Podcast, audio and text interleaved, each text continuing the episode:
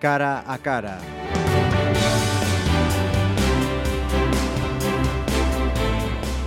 11 de marzo de 2004, una fecha tristemente histórica para nuestro país y un día también señalado en la vida de un muchacho de apenas 16 años. Esa mañana, sin saberlo, entregó una bolsa de deportes cargada con explosivos que poco después sería utilizada en la estación de tren de Atocha. Gabriel Montoya Vidal, conocido como el Gitanillo, Baby o el Guaje, fue el primer condenado por los atentados del 11M, el único menor implicado por colaborar con los terroristas suicidas. Su vida, su historia y los movimientos dentro de la denominada como trama asturiana de los atentados de Atocha las cuenta ahora el periodista pontevedrés Manuel Javois en Nos vemos en esta vida o en la otra, publicado recientemente por la editorial Planeta. Por ese motivo, él es nuestro invitado de este nuevo Cara a Cara en Pontevedra Vive Radio. Bienvenido. ¿Qué tal, Alex? Nuestro programa número 13, no sé si eres supersticioso. No, no, no, no, creo, no creo en esas cosas. Me dan morbo, de hecho. Los prefiero. Bueno, pues la primera pregunta es eh, casi obligada, ¿no? Es decir, ¿qué tenía eh, Gabriel Montoya, la historia de este, de este muchacho, que te atrapó desde, desde el principio? La coherencia, la normalidad de, toda la historia, el proceso lógico que sigue al hecho de estar en la calle tomando algo en un mes de octubre de septiembre de 2003 a estar llevando a los terroristas a Mina Conchita antes del 11 de marzo de 2004 y todo eso sin nada conmovedor, sin ningún hecho traumático, siguiendo, ya te digo, una lógica perversa que, que demuestra que cualquiera, eh, cualquiera no, pero, pero en fin, cualquier persona que, con las compañías adecuadas eh, puede terminar colaborando en unos atentados terroristas de este calibre sin casi sin, sin pensarlo. de hecho, la sentencia dice que su colaboración fue involuntaria, aunque, en fin, eh, hay suficientes datos o pistas que, que determinan que, que cuando vendes 150 kilos de dinamita no son para dejarlos debajo del árbol de Navidad. Es verdad que no sabía que eran para matar a gente, pero en fin. Una historia que cualquier lector que, que, lo lea puede comprobar que es una historia llena de violencia, de drogas, de mentiras, de persecuciones policiales, o sea, todos los elementos casi de un thriller de, de, acción, pero claro, una base real. Sí, eso a mí me llamó mucho la atención en el momento en que yo empecé a repasar la biblioteca. Yo es verdad que leí en su momento la información relacionada con el CM, pero todas aquellas informaciones y todo el proceso que siguió al juicio estaba muy intoxicado, ¿no? muy intoxicado por la vía política, muy intoxicado por la vía de la investigación, es decir, por las teorías y por las cábalas que se en torno a eso. Entonces yo creo que estaba dejando de lado eh, el, día a día de, de, estos criminales, tanto de los criminales que atentaron en los trenes como de los que lo colaboraron con ellos, que son los que a los que yo eh, les, les, pongo el foco en el libro. ¿no? Y, efectivamente es, es chusma, ¿no? Eh, como, como dice una de las, mm, Carmen Toro, la cuñada de Mil otras zorras, es gandalla, es decir, gente que está por ahí, que trafica con hachís, que consume cocaína en dosis masiva, que, que, que, frecuenta casi diariamente los clubes de alterne, que tienen muchísimo dinero porque se dedican a cualquier tipo de, de actividad delictiva y que no tienen ningún empacho en colaborar con, pues, con unos marroquíes que les exigen o que les piden o les reclaman para cambiar por, por hachís, pues la, la, la, obscena cantidad de 150 kilos de dinamita con la excusa perentoria de que al parecer se querían atentar a joyerías, ¿no? o sea, acabar con todas las joyerías de España, se supone que querían con, con tal cantidad de dinamita. Y, y, ese día a día, a mí me gusta mucho este tipo de relato, me gusta mucho leerlo. ¿no? Yo no escribí esto porque a mí me gusta leer algo así, es decir, no, no, no, no, no entro dentro de ese cliché. Pero es verdad que a mí me gusta mucho este tipo de relato, un relato muy, muy, muy, muy rutinario. Es verdad que la rutina con esta gente, pues en fin, no es una, no es una rutina que tengamos eh, nosotros dos, ¿no? Pero, pero, pero me gusta mucho el día a día. El yo me levanté, yo hice, yo tal, ¿no? Y, y tuve como referencia desde el primer momento la película de Gus Van Sant, que es Elephant, que habla de los atentados de Columbine, ¿no? Y, va, y, y, él no dice absolutamente, no enfatiza, no subraya, no, no emite ningún juicio de valor ni ninguna opinión. Simplemente los chicos hacen su vida y un día cargan la mochila llena de armas y matan a todo el mundo en el Instituto Columbine, pues estos tíos igual. Es decir, no tienen eh, ningún tipo de consideración hacia las consecuencias de sus actos y por lo tanto colaboran con quien sea y acabaron terminando dentro del sumario de los atentados terroristas después del avión de Loque más, más sangrientos de Europa. Un poco siguiendo ese enfoque que citabas de la película, también en este libro, comparado con otros libros anteriores o con artículos que sueles publicar, se ve un Javois mucho más contenido también. ¿no? Sí, claro. Eh, yo sí tengo una buena fuente de información, sí tengo un testigo privilegiado, lo que lo, normalmente yo prescindo de cualquier tipo de alaraca, incluso de ironías, de metáforas. Bueno, las metáforas siempre pueden, pueden servir y, y desde luego tienen una utilidad, pero, por ejemplo, los libros que yo hice hasta el momento pues son eh, son obras acerca de mí, eh, y, en las que yo encarno un personaje un tanto disparatado, exagerado, eh, primero relacionado con la con la vida de Pontevedra, uno en otro libro, el, pequeñito, el de Libros del Cabo, pues relacionado con el Madrid, el madridismo de provincias, y luego Manu, pues sobre el embarazo. Pero tienen el mismo tono, tienen un tono que a mí me gusta y es el que en el que más yo me reconozco. Eh, lo aplique a mí o lo aplique a cualquier, a cualquier, otro, a cualquier otro ámbito, ¿no? que es una prosa pues muy despojada de solemnidad, con mucha retranca, es decir, muy despegada de mí. Aquí, sin embargo, tenía una muy buena historia. Yo no soy una buena historia, yo si tengo que contar que fui al súper puedo hacer un artículo de eso, pero no es una buena historia. Si la quiero hacer atractiva, tengo que utilizar las armas como prosista para que, para que el lector se enganche a ella. ¿no? Y aquí no tengo que hacer nada, aquí tengo que escribir de una forma casi sumarial, funcionarial. Es verdad que no deja de ser un estilo, es decir, esa aparente ausencia de estilo también es una forma de, atrapar al lector, pero si yo tengo, como tú decías, una historia llena de drogas, de traiciones, de persecuciones en coche, lo que tengo que hacer es presentársela al lector de la forma más cruda y neutra posible, no, no, no, no distraerlo con, no adornarlo, con herramientas novelísticas, ni con herramientas barrocas, ni con ningún tipo de, de, de, sonajero en la prosa, porque despistas. Y además estamos hablando de un atentado que tuvo 192 muertos, es decir, ningún codazo al lector, no hay ningún tipo de ironía ni, ni, ni subterránea ni, terrenal, no, no, no, hay ningún juego ni de palabras ni cositas que nosotros habitualmente utilizamos, pues bien porque nos divierten o bien porque pueden divertir al lector. Aquí el lector evidentemente no se divierte, esta historia no es divertida, hay momentos de humor involuntario que protagonizan esos personajes, que son personajes patéticos, patéticos en el sentido teatral, y, sí que puedes esbozar una sonrisa de, de, realmente lo, lo, que nos llevó hasta allí y la clase de gente desgraciada y, criminal que, terminó colaborando con los terroristas. Eso sí que produce miedo porque esta historia es la historia de nuestros vecinos. Ocurrió en Avilés, que es una ciudad muy parecida a Pontevedra, y pudo haber ocurrido en cualquier otra ciudad pequeña, tranquila, del norte, de provincias, en la que siempre hay gente pues echando una partida de algo, fumándose un porro y, y menudeando, pasando posturas de hachís y, y con ese tráfico al por menor. Un día ese distribuidor que les da el hachís les dice que en vez de dinero pues lo que quiere es dinamita. Y alguien sabe dónde está la dinamita. ¿no? Y así termina el, la operación de suministro de, de, explosivos. Te he escuchado decir que, a pesar de que este libro obviamente está enfocado en la historia de, de Gabriel, realmente es la historia de las 192 víctimas. ¿no? no es la historia de las 192 víctimas, pero es una historia que no tiene sentido sin las 192 víctimas. Y de hecho, yo, yo eh, no quiero ni, ni, ni, ni, me, ni me atreví a relatar lo ocurrido el 11 de marzo. No hablo, no salen los trenes, no salen las bombas, no explico ni dónde se dejaron las mochilas. Está más que, más que sabido, no, más que informado de eso. ¿no? Pero también lo podría haber relatado al llegar al punto álgido. Al fin y al cabo, este libro tiene una estructura un poco muy cronológica, ¿no? se va acercando de forma irreversible al 11 de marzo. Y se produce una elipsis y desaparecen. Y de ese modo, si desaparecen las víctimas de este libro, que desaparecen físicamente, entiendo que, desde la primera hasta la última línea están presentes, ¿no? porque además todo lo que se lee aquí adquiere un sentido, un sentido siniestro, un sentido eh, eh, criminal, pero porque hay 192 cadáveres. Es decir, cuando hablamos de que este chico un día no adrugó y no acudió a la cita con Emilio, tienes que pensar que esto es en el contexto en el que está escrito. Es decir, si este chico después del famoso viaje a Mina Conchita con los marroquíes, al día siguiente se presenta en comisaría, ya no hay un CM si el guardia civil que sale en el libro parando al chino con los 150 kilos de dinamita y lo para por exceso velocidad, comprueba la identidad de él con la central de datos y, certifica que ese pasaporte es falso, ya no hay 11M. Y, y con eso muchísimos lazos que se quedaron sin atar y que pudieron evitar el atentado. Ahora, un atentado de estas características se produce muy pocas veces y se produce por, primero porque hay una voluntad de destrucción evidente de, de, de, de un agente, de, de, fanáticos extremistas, de terroristas, y después porque también hay mucha mala suerte. Cuando, cuando tú quieres atentar de esta forma, con una infraestructura tan grande y, y, llena de chalaos, como, ocurre aquí, incluso echando manos de gente que no conocen el, Corán ni, de lejos, eh, tienes que tener muy mala suerte tú como ciudadano para, que, para poder morir o para que pues, se te muera alguno de los tuyos o, que esas bombas lleguen a explotar en los trenes. Porque eh, hoy, hoy se lo explicaba a una compañera tuya, en Estados Unidos, Mohamed Atta, que pilotaba el avión y se estrelló con las Torres Gemelas, con antecedentes y ya vigilado por sus conexiones en, en, en Afganistán y, y, y, con países y con centrales digamos térmicas del terrorismo internacional, llega al suelo estadounidense y hace un curso de aviación.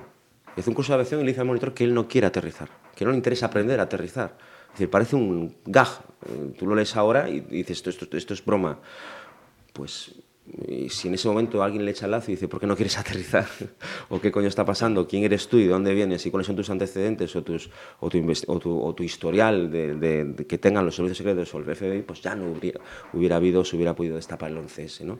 Y así con muchos macroatentados. Es decir, uno de los consuelos escasísimos que, que me produce haber leído sobre, sobre, sobre estos atentados y, y haber repasado y leído el juicio es que se necesita muchísima mala suerte para que se, llegue, para que se puedan llevar a cabo. Es decir, no solo basta con la voluntad de los asesinos, sino que además datos de fechas que no concrete una hora que salga uno, otra hora que entre otro, es decir, ese tipo de cosas, o, como se comprobó luego en el juicio, que se quede sin investigar un expediente, que no se tome en serio una muestra de dinamita o que no se comparta información en un momento dado porque se cambiaron las dependencias a un lado, a otro de la comisaría, ese tipo de cosas, ¿no? son, son pequeñas pequeñas, eh, pequeños infortunios que finalmente, pues en este caso, al darse todos y todos en contra de nosotros, pues provocaron que los atentados pudieran llevarse a cabo. Volviendo al principio de este libro, nos vemos en esta vida o en la otra. ¿Cómo contactas con, con Gabriel Montoya, con, con, el gitanillo? Pues a través de un compañero mío del mundo, Joaquín Manso, que me, que me encarga, él y Agustín Peri, otro jefe mío, la entrevista con él para un aniversario, de, el décimo aniversario de los atentados. Y él lo localiza porque es de allí, de Asturias, lo, lo tenemos controlado, lo asalta, entre comillas, en el portal y, y, le arranca un teléfono, le arranca un número de teléfono para que hable conmigo. Y yo me, yo me voy a Vilés para, para, hablar con él y para tomar un café y para bueno, intentar convencerlo, pero no está por la labor, no quiere hacer nada, no quiere hablar con la prensa, está muy protegido por sus vecinos, por sus amigos. De hecho, tenemos ahí un par de incidentes porque pensaban que ya queríamos cazarle y robarle una foto. Y, pero me, me quedo su teléfono y establezco una base de relación. ¿no?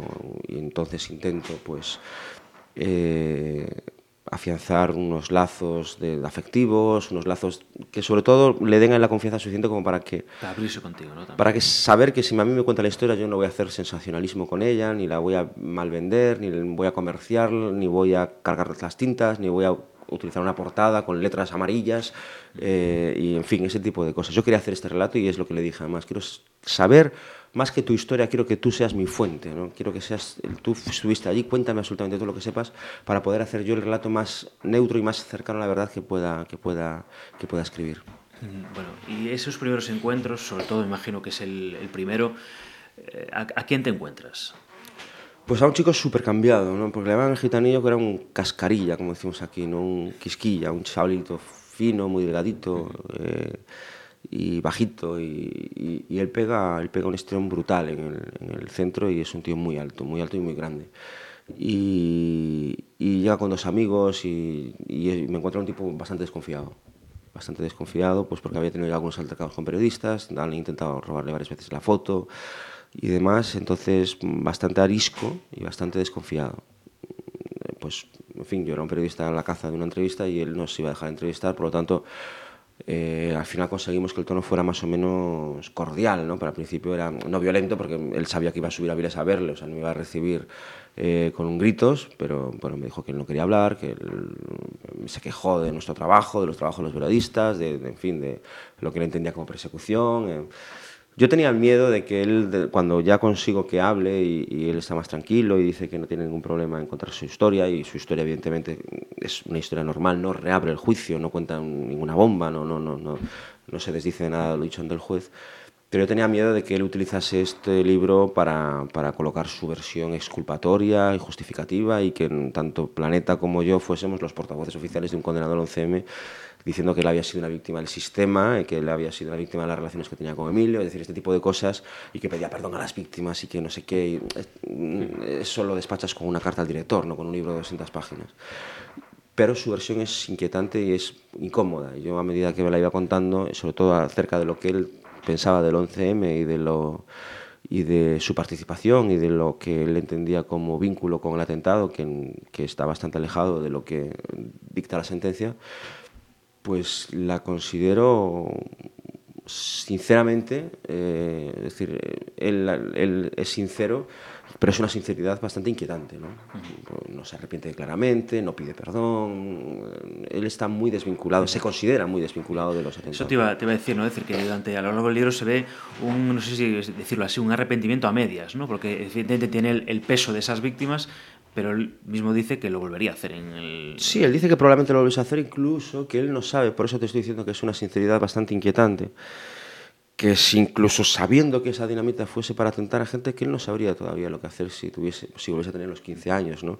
Estás hablando de un chaval de 15 años al que de repente pues engancha la cocaína y está todo el día, eh, desde las 8 de la mañana hasta las 8 de la tarde y más allá, eh, consumiendo droga. Yo no sé cómo funciona la cabeza de un crío por formar con tanta droga y esto que no se va de ningún tipo de justificación ni, ni, de ningún tipo de, atenuante, pero dice que si volviese atrás probablemente lo volvería a hacer y luego utiliza una frase que es inmensamente hipócrita, que es que si él vende una pistola a alguien y luego lo que ese alguien haga con la pistola ya no es cosa suya. ¿no? Bueno, la justicia ya dice que no, evidentemente, que eso no es así y, si tú vendes una pistola a alguien, pues no es para hacerle un regalo a nadie ni para utilizarla de ningún modo benigno. Y 150 kilos de dinamita, pues mucho menos. No sé si sabes ya si lo ha leído. No lo ha leído. No lo ha leído todavía. No lo ha leído y, un poco me da culpa porque todavía no se lo envío. Estoy, soy un desastre. Tengo una remesa para enviar ahí todavía que no, que no, que no ha salido de, de Madrid. Bueno, no sé si al hilo de este libro, de todas estas entrevistas que estás haciendo para promocionarlo, ¿crees que en este país estamos preparados para, para analizar a fondo eh, los previos eh, del 11M, todo este proceso?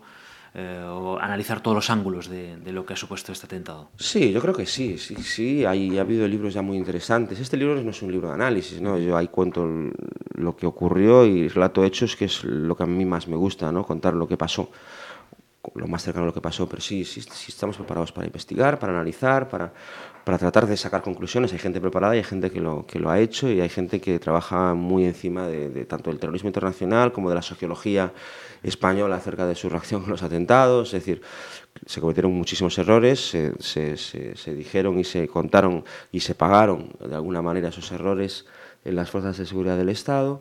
Eh, evidentemente hay un control más estricto del terrorismo, de, los sospechosos de terrorismo internacional. Que no haya habido ningún gran atentado islamista desde 2004 no significa que no lo vaya a volver a ver. Eh, desgraciadamente cuando alguien quiere matar, pues lo hace todo lo posible por, por matar y, por llevarse por delante a muchísima gente y como además es gente que no le importa su vida, pues entonces ya estás jugando en otra división.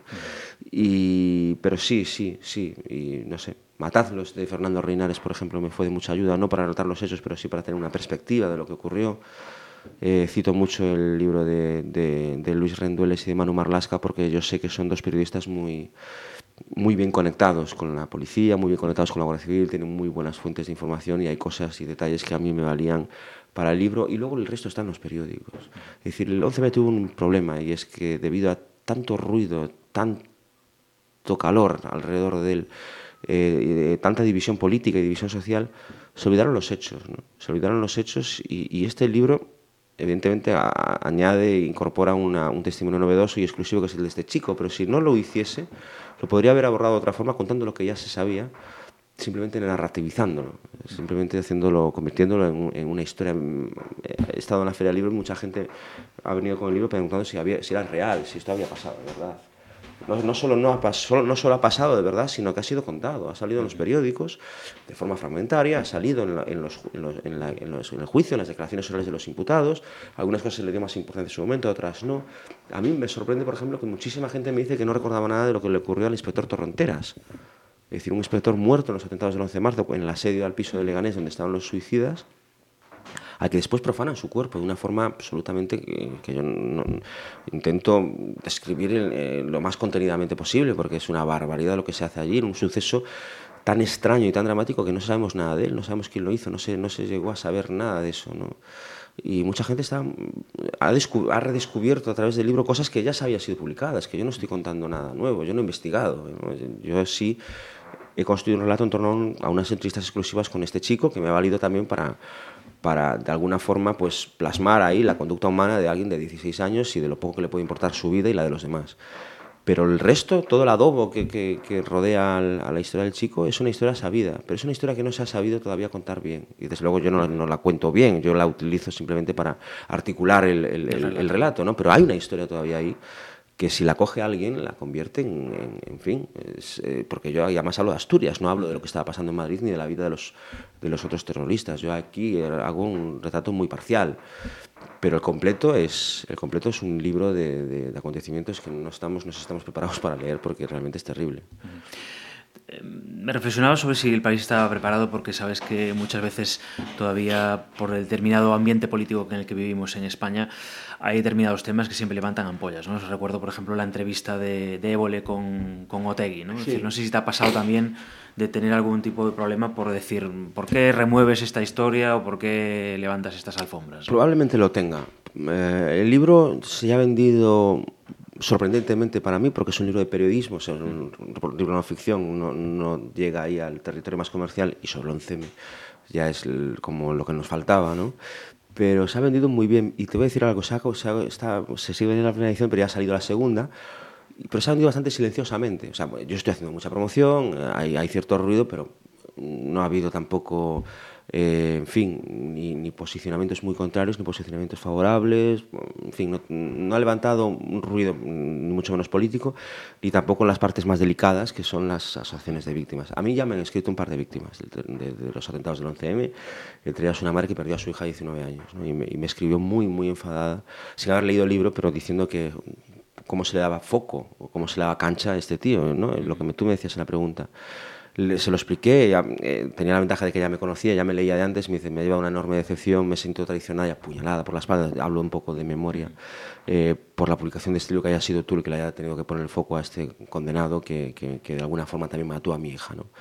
Y bueno, hablé con ella y todo bien, nos vamos a hablar, vamos a vernos, vamos a hablar. Y me decía que no había leído el libro. Yo le dije que en el libro, evidentemente, lo último que se hace es convertir a este chaval en una rockstar ni en, un, ni en una suerte de héroe de barrio que se ve abocado a una serie de catastróficas desdichas. Es decir, sale como lo que es. Yo no soy quien para juzgarlo, pero yo creo que cualquier lector sabe perfectamente qué sale del retrato de ese libro. Por lo tanto, puede levantar ampollas, porque además este tipo de relatos que no adjetivan, este tipo de relatos que no que no dejan eh, que, en los que el autor no utiliza su poder para... Que dejas al lector que saque sus propias conclusiones. Sí, entonces yo también, es verdad que cuando hay un atentado en el que hay 192 muertos, yo no le tengo que estar señalando al lector quiénes son los malos. ¿no? Lo tengo que estar poniendo delante de cada nombre. Y el muy miserable se acercó a la puerta. Yo no tengo que hacer eso, ya se, se sobreentiende dónde están los malos y se sobreentiende quiénes son los buenos. ¿no? Y eso me ha pasado con otros relatos. Yo cuando, trabajo en, el periódico y tengo que hacer relatos de este tipo, sea de sucesos, sea incluso políticos, si tengo una fuente privilegiada, si no tengo que hacer literatura, es decir, si no voy como observador, sino que voy como, como reportero con una fuente que ha estado en cierta reunión o ha estado en cierto suceso, yo escribo así siempre porque es lo que a mí me gusta hacer, lo que más me gusta hacer. Es decir, es, es paradójico, ¿no? porque yo también tengo una opinión y, y, tengo cierta popularidad como columnista de opinión, pero a mí lo que más me gusta es liberarme de la opinión. Es, a mí mi opinión me interesa un carajo. Y entiendo que a los lectores también. La puedes adornar de alguna forma en la columna y puedes hacerla entretenida, puedes hacerla más o menos frívola o como tú quieras. ¿no? Pero en este reportaje, en este tipo de reportajes, no. Aquí no se opina de nada. Aquí hay unos señores que han matado a 132 personas y yo no voy a opinar si está bien o mal porque me parece ridículo. Parece una absoluta gilipollez. Es decir, yo no les tengo que estar diciendo al lector, aquí están los malos, aquí están los buenos, porque además estoy tratando al lector como tonto.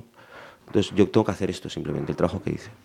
Bueno, no vamos a profundizar mucho más en el libro porque se trata de que la gente lo compre y se lo, y se lo lea, pero sí me gustaría preguntarte, teniendo en cuenta que bueno, hasta hace muy pocos años eh, trabajabas aquí en Pontevedra, en un periódico local, en el Diario de Pontevedra, no sé si este libro hubiese sido posible desde Pontevedra. Es decir, o ha sido necesario, como decías, eh, como titulas otro de tu libro, ha sido necesario irte a Madrid para, para mm, poder encontrar esta yo creo historia que, y este libro. Sí, perdona. Yo, no creo, yo creo que no, no, habría sido posible, pero por una, por, por, una de las, por una de esas razones miserables por las que, por las que a veces se nos ahogan los periodistas locales.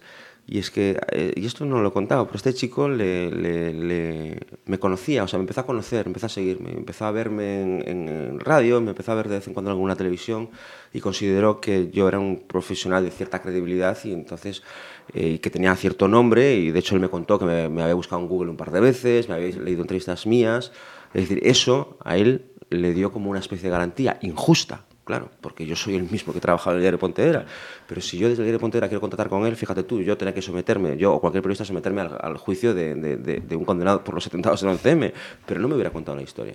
Me hubiera dicho este tío que, que me busca o que, me quiere, ¿no? Desde ahí yo que sé quién es y cómo trabaja y sabe Dios. Muy probable, muy probable no, seguramente no hubiera querido hacerlo. Y esto que pasa con este chico, pues pasa con políticos, pasa con empresarios, pasa con gente que de repente, pues si estás trabajando en un medio como el país, te hacen caso.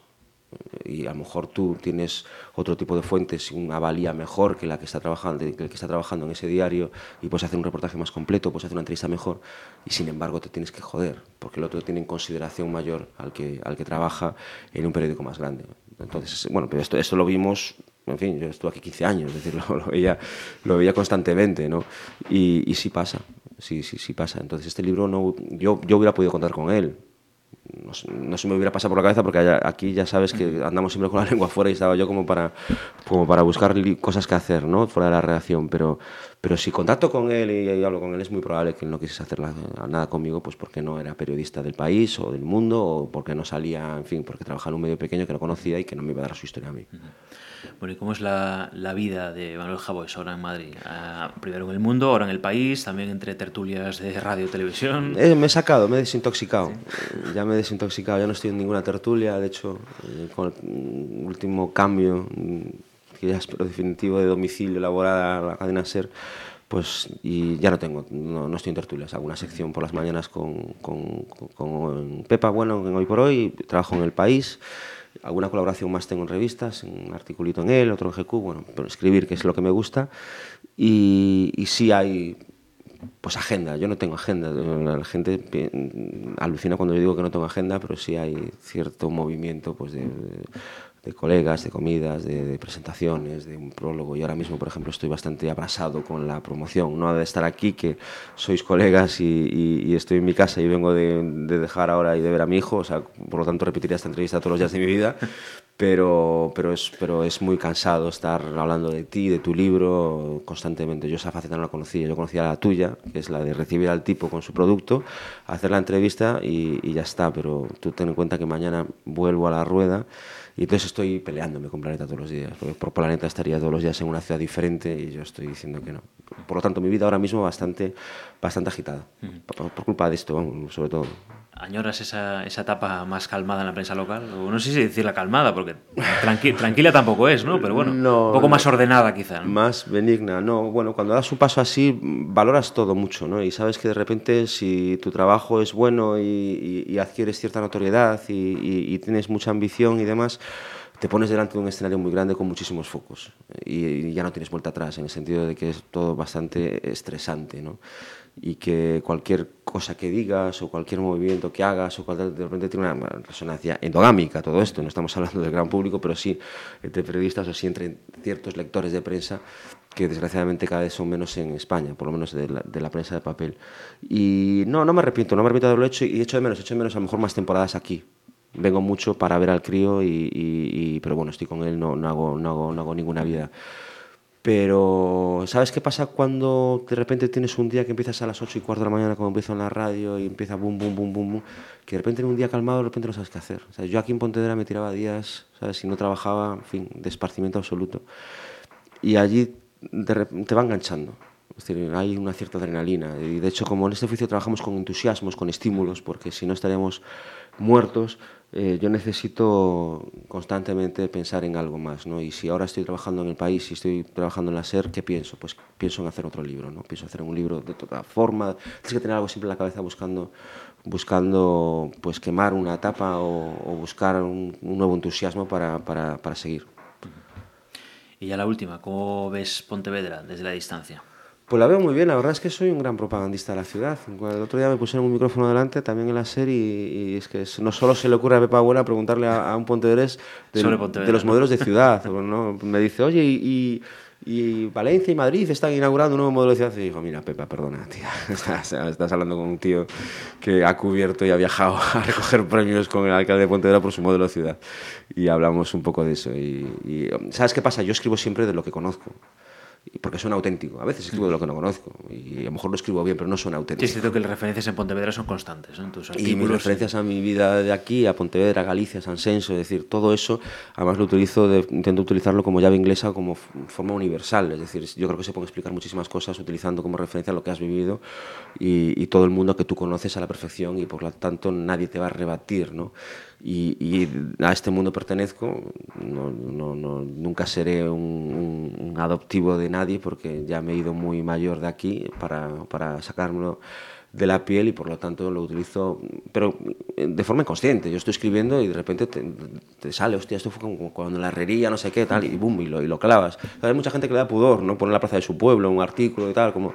pero yo creo que se pueden explicar las cosas así, se pueden explicar las cosas de una forma. al final cada uno tiene sus referentes natural. y si tú pones plaza de la herrería, uno de Madrid pensará una plaza de su pueblo. ¿no? Por eso, yo creo que esas cosas funcionan así. ¿no? Bueno, pues igual que tú no olvidas Pontevedra, estoy seguro que Pontevedra tampoco olvida a Manuel Javois y, serán muchos los pontevedreses que ya lo tengan o comprarán este Nos vemos en esta vida o en la otra. La historia jamás contada de lo que precedió y siguió al 11M desde el punto de vista de, esta trama asturiana. Manuel Javois, muchas gracias por aceptar nuestra invitación. A vosotros, un placer estar aquí. Espero repetir pronto. Gracias. Pues eh, estaremos encantados de, de recibirte y a todos nuestros oyentes nos despedimos hasta la semana que viene en este cara a cara.